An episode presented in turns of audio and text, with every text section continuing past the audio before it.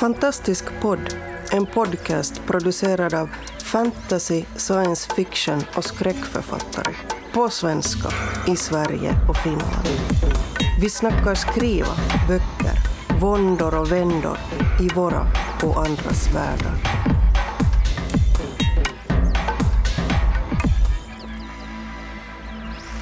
Hej och välkomna till Fantastisk podd.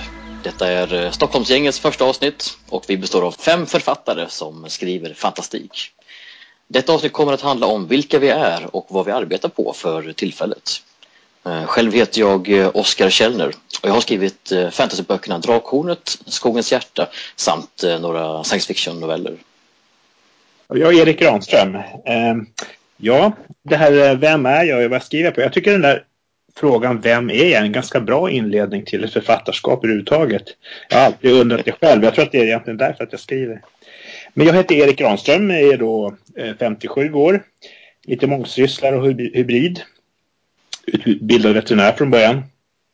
Men som eh, jag har kommit att älska humaniora mer och mer, egentligen filosofi och historia. Och eh, eh, den där blandningen blir ganska bra. Det är därför jag ser mig som hybrid. Så att det veterinära kommer igen i mina romaner där jag har tagit väldigt många namn från anatomi och bakteriologi och sånt där. Eh, jag har en ganska brokig bakgrund då. Sen gick jag över på marknadsföring och information och var vd för en reklambyrå ett tag till och med. Och sen var jag i databranschen ett tag och fårbonde. Och jag skriver på en ganska omfattande då fantasyserie om fyra böcker som nog blir i snitt ungefär 600 sidor var. Eh, två har kommit ut och de heter Svavelvinter och Slaktare små och den tredje kommer nu i april med titeln Vredesverk. Och det jag då brottas med just nu det är fjärde delen. Så jag håller på och försöker samla ihop trådarna. Över till Boel. Ja, Boel Beman heter jag. Eh, jag debuterade som författare förra året med dystopin Den nya människan. Och eh, ja, jag medverkar också i novellsamlingen Maskinblod 2 som kommer nu i vår och i novellsamlingen Stockholms undergång som jag skriver med i mitt skrivarkollektiv Fruktan i sommar. Och annars jobbar jag på en dataspelstudio som heter Paradox Development Studio. Så det är väl det om mig. Vidare till Erik. Nej, till, tillbaka till, till Peter. Till, nej, till Peter. Peter, ja men det gör det. Um, jag är Peter Bergting, eh, kanske mest känd som illustratör. Har gjort eh, hundratals böcker, mest rollspel. Faktiskt jobbat med Erik för många, många år sedan med en av hans rollspelsböcker. Just det.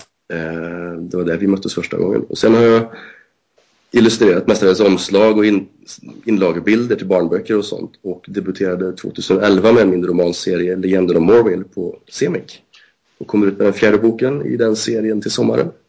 Men förutom det så är jag väl kanske mest känd utanför Sverige som serietecknare och har lite roliga grejer på gång där som jag inte får prata om.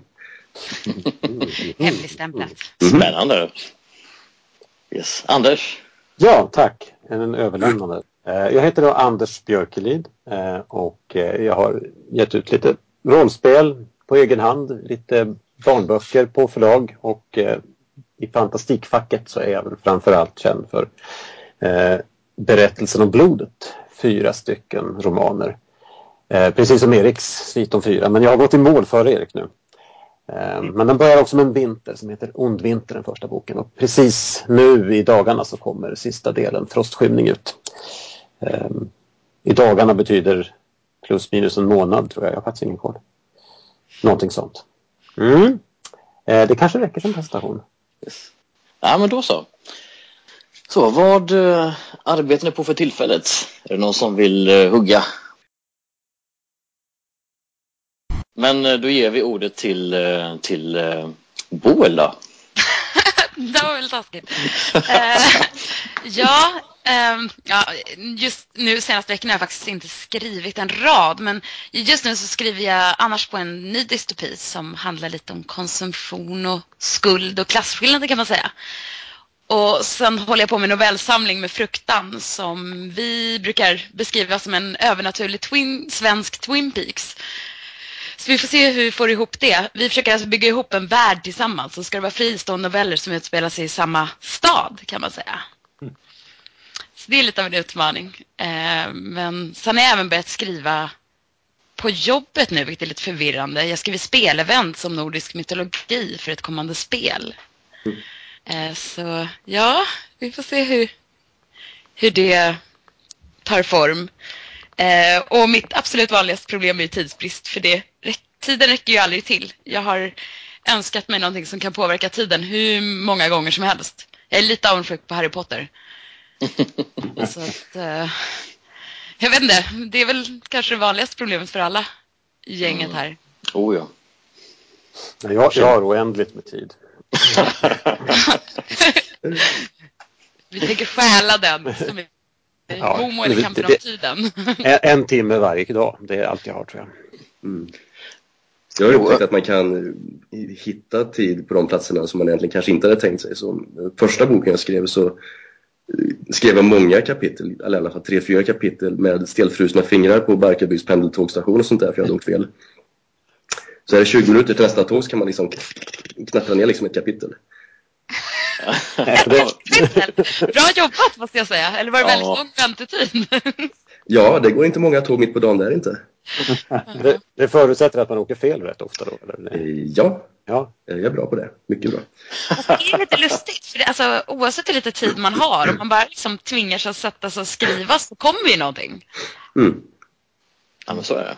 Mm. Men, men Boel, jag är lite nyfiken bara. Den här uh, antologin du skriver med fruktan. Mm. Är det den som är Stockholms undergång eller är det ett uh, nytt projekt? Det här är ett nytt projekt som vi har hållit på med nu i ja, ett halvår kanske. Eh, för att Stockholms undergång är ju helt fristående noveller. Fast mm. vi får det gemensamma temat att vi förstör Stockholm på de mest sätt vi kan. Vi, vi, misstänker att det här kommer bli en hit i Göteborg. Så att, ähm, Vad händer med Stockholmsgruppen? Äh, det är demoner i Kungens Kurva och äh, kom, vad heter det, meteor på Sergels torg och äh, könssjukdom som gör att man förfryser inifrån och regnbåge. Och mm. ja, sånt. Men det här är i varje fall ett nytt eh, och det är vi, vi kanske har tagit oss lite vatten över huvudet för det här att tio personer ska samsas och enas och få in varandras karaktärer i varandras i sina egna noveller. Okay.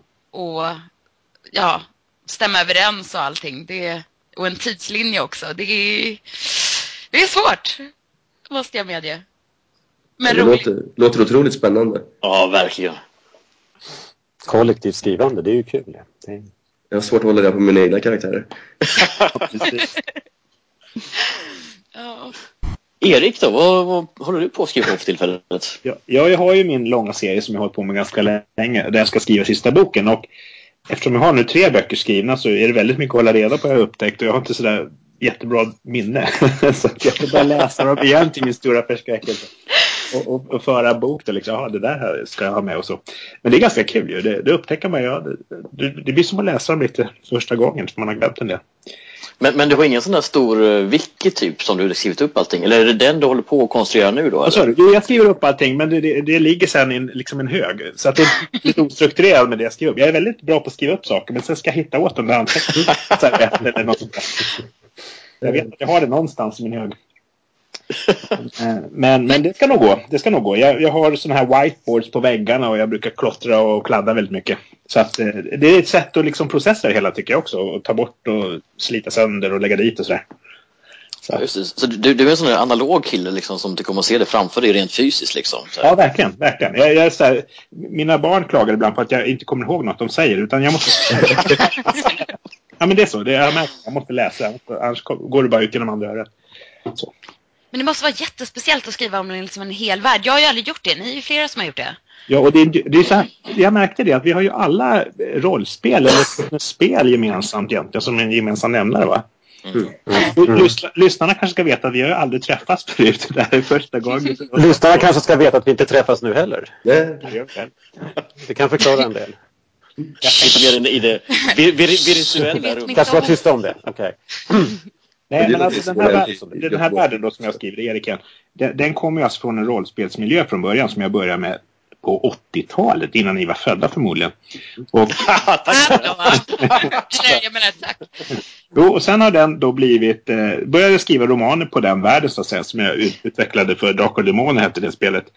Och sen det roliga sen är ju att sen gavs det ut ett nytt rollspel från romanen, alltså liksom det har gått cirkeln runt nu 2012 då på samma firma som ger ut Peters spel om Orwell för övrigt. Tackar pluggen. Ja, absolut. Och det är ju Vänta, vilket började det med Erik? Eh, först, så här, jag skrev egentligen min första roman 1980 alltså. Och den kom ut på då, den handlade om en, eh, ett varuhus. Lite, det var också lite fantastik. Det, det ligger väl för mig och, och oss alla antar jag. Eh, men sen började jag skriva rollspel då när Drakar och Demoner kom till Sverige. Och det var mest stort ju på 80 och 90-talet. Det var ju 100 000 ungdomar som spelade. Och jag träffar dem ofta nu, det är det som är så roligt. Det tänkte jag inte alls på då. Så det var rollspel och då, det var fem eh, delar liksom som jag skrev till det här rollspelet. Och sen då blev det en värld och en story som jag använder lite grann som idébank. Nu när jag skriver romanerna. Mm. mm. Men du Erik, eh, jag har en sak med rollspel också. Jag har gjort, eh, inte lika mycket rollspel som vad du har gjort, men jag har ändå varit med liksom, på Target Games och allting hela, hela svängen flera gånger om. Som la grunden till där jag jobbar. Ja, och dessutom Thomas som jobbar på Paradox har ju dessutom skrivit rollspelet baserat på min bok. Ja, just det. Vi ser, det, det är sådär, alla känner alla, men det är ju jätteroligt tycker jag. Men en, en sak jag tycker är lite... Nördar håller upp. Ja. Som, som bryr mig lite grann, det är när folk kommer fram och säger så här du, jag hittade liksom i garaget de här gamla rollspelen. Liksom, kolla här, Drakar och Demoner 6. Liksom. Fan vilken nostalgi liksom. Ja. Bara, men det var ju typ så här för något år sedan jag gjorde det. Så bara, Nej, det var det inte. När de var små, men så här, hur gammal är man liksom? Ja. Sa, sa ungdomarna. Nej, det, det är lika roligt fortfarande tycker jag. Men Erik, vad, alltså, du säger att du har svårt att komma ihåg allting, men är det det som är den största utmaningen? Eller vad, vad tycker du är den största utmaningen just med att skriva alltså, en sån här enorm serie? Jag vågar knappt säga det, men jag är ju bortskämd med att ha nästan hur mycket tid jag vill då. Mm. Där, därför att mina barn har växt upp och sådär mycket sånt då, och så, och så, så ja. Så att jag kan ägna mig åt det här nu lite grann, det, det, är, ju, det är ju jättekul. Inte för att jag är Harry Potter tyvärr och blir jätterik och så, utan det är en prioriteringsfråga. Men, men jag har den situationen så jag, jag, kan i princip sitta och skriva när jag vill och det är jättekul tycker jag. Men eh, problemen upphör ju inte med det. Okej, men vad, du, vad, vad, vad är dina utmaningar då? Eh, ja, det är, nej, det är bara att köra på tycker jag. Det, det är liksom att få ihop det på ett bra sätt. du har inga problem med ditt skrivande. Jäkla unge. Nej, men det, det, det, det, faktiskt, det, jag har inga problem. Det är ett nöje. Det är ett nöje tycker jag. Sen uppstår det en massa problem, men det är också, det är också kul. Nej, men ska jag berätta lite grann vad, vad jag är någonstans då, vad jag håller på med. Um, jag har ju skrivit uh, som sagt Drakhornet och uh, Skogens hjärta. De är ju uh, två stycken uh, fantasyböcker, del 1 och del 2. Eh, historisk fantasy utspelade sig i Sverige på 1800-talet. Ehm, jag eh, började skriva på trean, alltså typ redan 2011 när de här släpptes. Jag släppte dem båda två eh, samma år. Men då drabbades jag av Alltså, det finns ju det klassiska andra bokssyndromet. Att man har skrivit det första som man har pillat med liksom hur länge som helst. Sen så ska man liksom sätta sig med andra boken och försöka liksom skriva det liksom under, under pressen. Att man vet att nu finns det folk som väntar på att få läsa det här som liksom eh, står redo liksom att hugga tag i den när den kommer. Och eh, jag hade egentligen skrivit både bok 1 och bok 2 innan de kom ut. Så jag fick inget andra boksyndrom, jag fick ett tredje boksyndrom istället. Vilket eh, och så, eh, Eh, jag, jag, är ju i motsatt situation mot Erik då. Jag har ju eh, två små barn, en fyraåring, en tvååring och så kommer en till här om fyra dagar. så eh, det är fullt med småbarn här hemma. Så det här med tid och att hitta plats i livet och skriva, det är en av de svåraste prioriteringarna jag har. Och allt det kommer det att ha gjort att jag har inte kommit så långt tyvärr på trean. Vad, jag däremot har gjort och det är lite konstigt där. Jag har skrivit en hästbok istället. Oj! Okej, den var otippad. Ja, det var det. Var det Enhörningar eller bara vanliga hästar? Alltså, nej, alltså, det, det, det, det, alltså, det är självklart så att de här hästarna har en fantastisk eh, egenskap. Alltså, ja, ja. Jag, jag skulle ju inte för mitt liv kunna skriva en normal bok. Det går ju inte. Alltså, det finns inte i mig. Jag, jag, jag, jag, jag, jag har försökt, så jag vet att det går inte. Uh, utan det, det dyker alltid upp skumma saker liksom, eh, precis utanför synfältet. Det kommer alltid någonting krälande inför mörkret. Det är alltid någon skum grej. Alltså, jag, jag, kan inte skriva normala saker. Jag tror att det är för att jag någonstans tycker det är tråkigt helt enkelt. Jag måste ha det där extra kryddan liksom, eh, som, som driver det. Det, ja. det normala är en myt. Det är fantastiken som, som finns. Nej, men jag håller med dig. Jag håller med dig. Det, fantastiken är på något sätt superrealistisk på något sätt. Alltså den, nu ska vi kanske inte gå in för djupt på, på eh, säga, fa fantastikteori, men, men eh, eh, jag tänker som så att det är just genom fantastiken och genom den linsen som man kan främliggöra sig själv från sin egen säga, verklighet och se den med nya ögon och se, se den kanske för mer för vad den är faktiskt. Ja, men jag vet inte. Jag har tänkt på det där, alltså just den här frågan så här, ja men nu kommer det så att man, man skriver just fantastik och det är så här, varför skulle jag vilja skriva om vardagen när, när jag kan skriva om precis vad som helst? Precis. Det, ja, det är snarare, varför skriver ni socialrealistiskt? ja. Vad tråkigt. Ja, men... Ja men precis, jag, jag, lever ju ändå varenda dag i den här verk verkligheten. Liksom. Vad ska jag vilja vara där för när jag, när jag skriver? liksom. Men i, i alla fall, eh, så jag faktiskt ägnat en hel del tid senaste året åt min lilla hästbok och även skrivit några science fiction-noveller för diverse olika antologier och tävlingar och sådana grejer. Mm. Men, eh, och jag tror att jag har gjort det här. Dels är det ju en slags procrastination, vet jag, vet, det är typ samma ord på svenska va? Prokrastinering. Uh, men det är också det att eftersom vi har, jag har småbarn så skäl man ju de små minuterna som finns här och var. Och då är det faktiskt mycket lättare att hålla ett litet projekt i huvudet än ett stort. Så några noveller här och var och en hästbok som kanske är hälften så lång som min fantasybok skulle vara. Det har varit mycket lättare liksom att hålla i huvudet. Det... Du kanske också behövde lite omväxling bara? Ja, kanske, kanske bara så. Kanske bara så. Och jag kände nog att det är bättre att jag gör någonting, att jag skriver jag får ut någonting snarare än att jag liksom sitter där och, och, och det fastnar liksom va, i, i det andra. Visst. Så det så jag, jag ska snart tycker nog att min hästbok är redo att skickas in till lite förlag här. Det ska bli spännande här nu under våren och se om det är några som hugger. Vi får väl se vad som händer. Yes. Anders, vad ja. gör du nu för tiden? Ehm, jag sitter just nu och eh, skriver promotion-texter om mig själv. Eh, och eh, den boken jag alldeles nyss avslutade eller som alldeles nyss ska komma ut som heter Frostskylning. Ehm, och då måste man skriva korta men oändligt svåra texter om sig själv, om varför ens bok är bra och vad boken handlar om. Det där tycker jag är det absolut svåraste. Jag har ingen aning om vad mina böcker handlar om efter att jag skrivit dem. Testa med oss, gör en pitch. Um, jag har försökt, med det här har jag försökt. Uh, den här boken är tjock. Den innehåller flera ord och ganska fullständiga meningar. Och den har jag pitchat på flera stycken och de sa att de skulle läsa den. Men... Är alla orden i rätt ordning? Eh, ja, de... Vad betyder det? I bokstavsordning är de inte. Utan de kommer i någon sorts syntaktisk ordning. Det är också en ordning. Det är också en ordning. Ja. Nej, men det, det där tycker jag är plågsamt att göra faktiskt. Att skriva om, om um, vad man har gjort. Jag, tycker, jag var alldeles nyss och, och pratade inför en massa bibliotekarier och skulle berätta vad mina böcker handlade om och det tycker jag också är, det är också plågsamt. Eh, och det frågade jag före på Twitter vad jag skulle göra, vad jag skulle säga och eh, det här med att pitcha saker som du föreslår här Boel. Eh, då föreslog mina Twitterföljare att jag skulle strippa inför bibliotekarie. För att det skulle vara en bättre försäljning. Det, man, det, man skulle komma ihåg det. Man skulle kommit ihåg, ja. Men inte boken. Kanske inte boken, nej. Eller så skulle man springa åt andra hållet. Eh, men, det är lite med utifrån perspektivet när man ska presentera sig själv. Att man tänker på sig själv som att man presenterar någon annans projekt. Ja, det, det, är något jag verkligen försöker göra för att en gång i tiden så älskade jag, när jag, när jag skrev kollektiva saker, då älskade jag att presentera våra kollektiva saker för då tyckte jag jag hade frihet att lägga in någonting eget. Men i, i det här fallet är det faktiskt så att jag, jag vet inte vad jag har skrivit riktigt. Det, det, det är ju ett problem. Men, men det, det, är antagligen för att det var ett år sedan jag skrev den här boken. Sen har det varit redigering och eh, eh korreläsning och allt sånt där. Eh, men, men å andra sidan så innebär det ju att jag är fri med de här fyra verken jag har skrivit under fem års tid. Nu, Berättelsen om blodet, som började med Ondvinter 2009.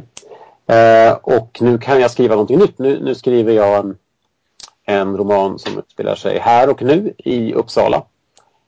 Um, och, um, men du, du bara en, en fråga där innan. Ja, de här fyra som du har skrivit här nu, du skrev dem allihopa på raken? Ja, jag skrev dem på Ja, mm. och du hade och du skrev dem på raken för att du ville, du hade avtal med förlaget ja. att göra? Ja, just det. Eh, både och, eh, ska jag säga. Det, det, är ju, det är ju väldigt bra att få skriva någonting som man vet kommer att ges ut. Eh, eller man kan hoppas att det kommer att ges ut i alla fall om man inte gör bort sig väldigt mycket. Så det är ju få förlag som avbryter en serie mitt i.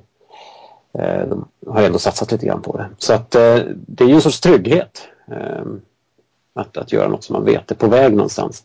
Men samtidigt så vill jag ju verkligen bli av med, med hela berättelsen så att jag kände att jag kommer från början till slut. Det är inte fyra fristående böcker utan det är en berättelse. Så att det var nog ganska otänkbart att tänka sig att jag gjorde någonting annat. Jag gjorde lite annat. Jag skrev ett seriemanus i mitten där någonstans. Men det måste vara helt magiskt ändå att nå slutet på en serie. Jag känner mig... Um, först kände jag mig lite tom på något sätt. Och nå slutet. Sen insåg jag att det inte var något slut utan det var ju korrrundor och redigeringsrundor som det alltid är. Att, ja. Eh, men det är ju väldigt befriande för att när man har kört det där några gånger, när man får tillbaka ett manus med röda markeringar på varenda sida, då, då är man ju äckligt trött på det och så är man väldigt glad då att slippa det till slut. Så det tror jag är en, en, en bra katarsisk process det där på något sätt, att släppa, släppa det man gör. Saknar du den då? Saknar du liksom karaktärerna och världen eller? Eh, alltså, nej. Den är ju inte död, den är ju kvar i mig. Mm. Um, jag, är, och jag är väldigt, väldigt glad att jag, antagligen på ett dåligt sätt så är jag glad att jag får släppa det språket jag har skapat där. Jag får äntligen skriva riktiga svordomar till exempel.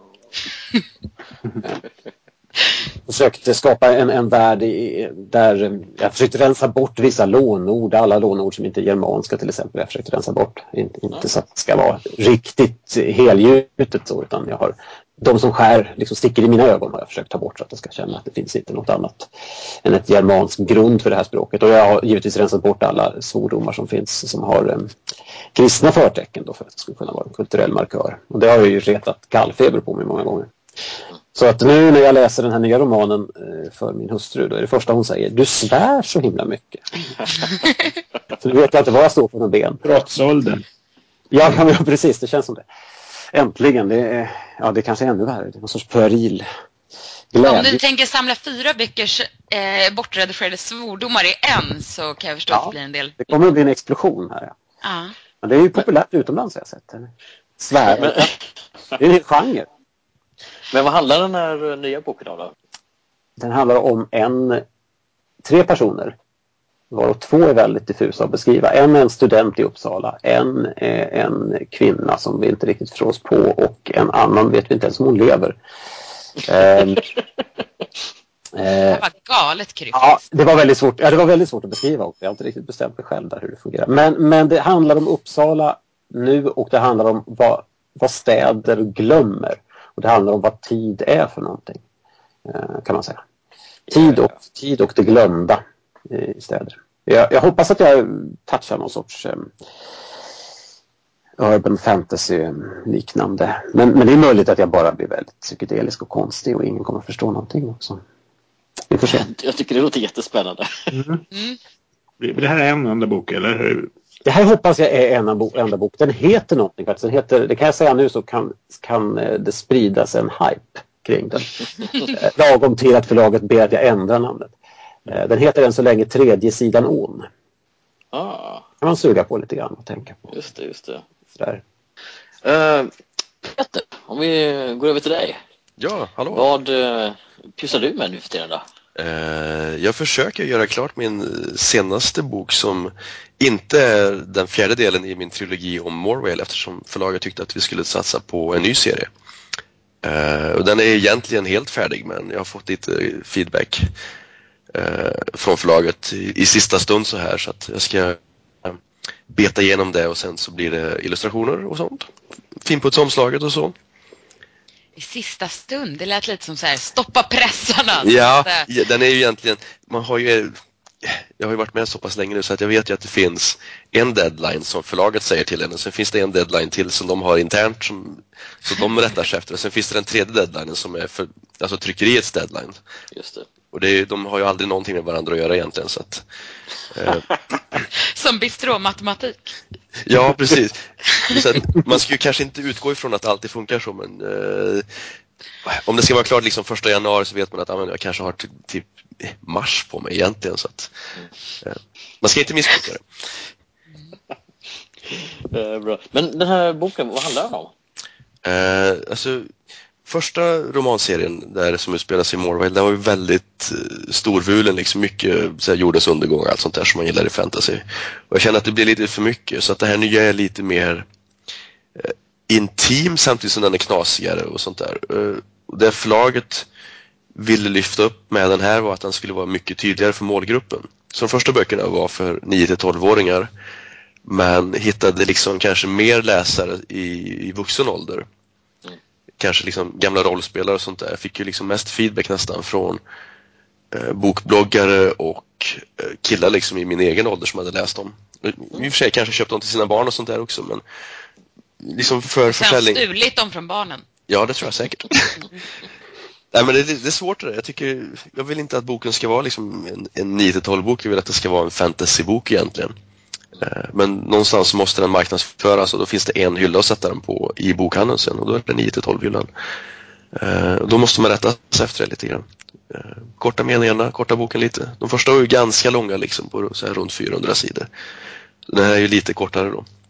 Det där är så lurigt med målgrupper. Alltså ja. vilken hylla det hamnar på avgör ju vilka som läser det. Eller mm. vilken kategori. Mm. Eh, och sen ibland så kan man bli överraskad. Lite som Neil Gaiman, alltså Coraline var ju en barnbok och den här en, vad heter den? End of the Lane. Mm. Mm. Eh, den har ju marknadsförts som en vuxenbok men jag tycker att den är löjligt lik Coraline. Alltså jag tycker ja, om absolut. den. Men det är ju en barnbok fast de har marknadsfört den som en vuxenbok. Exakt. Vi, vi, är väl lite lyckligt lottade samtidigt som vi är förbannade där på något sätt. Eh, att våra läsare hittar fantastik var den än står på något sätt. Ja. Det, det, gör man ju inte riktigt om man letar efter allmän litteratur. Det är ju inte så många som går och botaniserar bland barnböckerna när de ska ha en realistisk roman. Men det, det, det händer nog mera. Vi, vi skriver ju fantasy på svenska och eh, generellt sett så är det väl kanske lite svårare att nå ut som svensk författare på svenska eh, i vuxengenren. Ja, det, det, det, går ju. Där har ju du liksom lyckats bra Erik för att om man tänker på SF-bokhandeln liksom, så är det pocketläsarna som går dit och köper liksom de här superlånga volymerna liksom med eh, amerikanska författare. Mm. Och där är det lite så här okreddigt att vara svensk tror jag. Men, men det är lite svårt. Jag... Nej, tror jag väl inte. Nej, och, och, och jag, tror du, jag tror du håller på på det också i sådana fall. Alltså det kommer ju massor med nya småförlag nu som ger ut eh, liksom fantasy som verkligen är för vuxna jag tycker på åren tycker det har exploderat liksom. Va? Med, ja, det är jättespännande. Ja, det är hur spännande som helst. Men, men, men, men, men det finns en bakgrund där. Jag håller med om att det så, fortfarande finns en attityd ofta med barn. Liksom, va? Mm. För där finns det en fördel att skriva liksom för 9 till 12 och kanske ett steg upp då. Mm. Eh, slukaråldern är lite mer förlåtande och de de ofta liksom, de böckerna köps för att ges bort och sånt där. Eh, men liksom äldre liksom läsare lånar på biblioteken istället. Jag vet inte. Alltså grejen är, det ges ju ut till exempel en massa sci-fi, alltså nu menar jag inte just svensk, men alltså som hamnar under romaner. De hamnar aldrig i sci-fi-hyllan. Alltså, min favorit Margaret Atwood, det är ju science mm. fiction. Mm. Eh, och sen så Never Let Me Go, eh, om någon har läst den. Men de marknadsförs ju inte som, som eh, fantastik alls utan de liksom göms undan i allmänlitteraturen på något sätt. göms undan, ja precis. De hamnar under skönlitteratur. Ja, precis. Och då får Eller de liksom Människors barn av P.D. James. Men det är ja, lite precis. tvärtom också tycker jag. Att det kan, jag kan känna det att i och med att man kallar sina böcker fantasy så har man tagit bort ganska många läsare också. Det är lite synd för att eh, ja, jag tror många, många som inte läser fantastik de, de köper inte en bok som marknadsförs som det. Och något måste man kalla dem. Det, det, är lite synd på ett sätt. Ja, det finns ju en del som är lite rädda. För det. Ja, de bara tänker jävligt. Nej, jag läser bara vanliga böcker. Jag läser dem verkligt. Så. Ja. ja. Men du Peter, ja. Eh, jag, jag, har eh, säga, följt dig på lite avstånd om man säger så. Eh, och jag tycker att du, du verkar ju bara pumpa ut grejer. Du, verkar hur mycket, alltså, du har ju också familj och barn och sådana grejer. Hur, hur fixar du det? Jo, jag har familj men jag har liksom inget liv förutom hämta och lämna på dagis och, och jobba så att eh, det, det, löser det sig ganska bra tror jag. Eh, jag kan liksom inte sluta skapa någonsin så att eh, på, på gott och ont då eftersom kanske familjen vill se mer av en än bara ens rygg ibland och sånt där. Men, men du har en kreativ familj också misstänker jag? Ja, frugan skriver ju också. Eh, nu har hon tagit en liten hiatus här på något år men hon, hon har ju liksom skrivit klart en bok som skyfflas fram och tillbaka på förlagen och får liksom feedback åt ena hållet på ena förlaget och feedback åt andra hållet på det andra förlaget. Så vi vet inte riktigt vad vi tar vägen med hennes nästa bok just nu men det är också lite fantasy. Så. Men för det hjälper ju så himla mycket att ha alltså, folk omkring kring en som är kreativa och som har lite förståelse för att man kanske vill låsa in sig i en skrubb och skriva. Ja, men dessutom finns det lite så här kreativ... Eh, eh, man, man tävlar lite inom familjen också. Ja. Ja, det kan vara trevligt ibland. Lokal konkurrens. Ja, men alltså hon har gjort eh, sex böcker och jag säger att jag har gjort fem böcker nu. Hon bara, Nej, du har gjort tre böcker och två serieromaner. Tack så mycket. Eh, Det här var allt från eh, Stockholmsgruppen för idag. Ha det bra där ute alla våra kära lyssnare. Vi syns igen.